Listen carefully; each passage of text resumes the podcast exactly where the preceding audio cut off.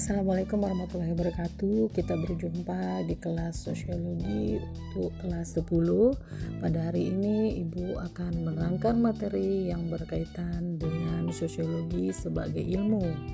Silakan Anda dan semua mendengarkan penjelasan yang Ibu sampaikan.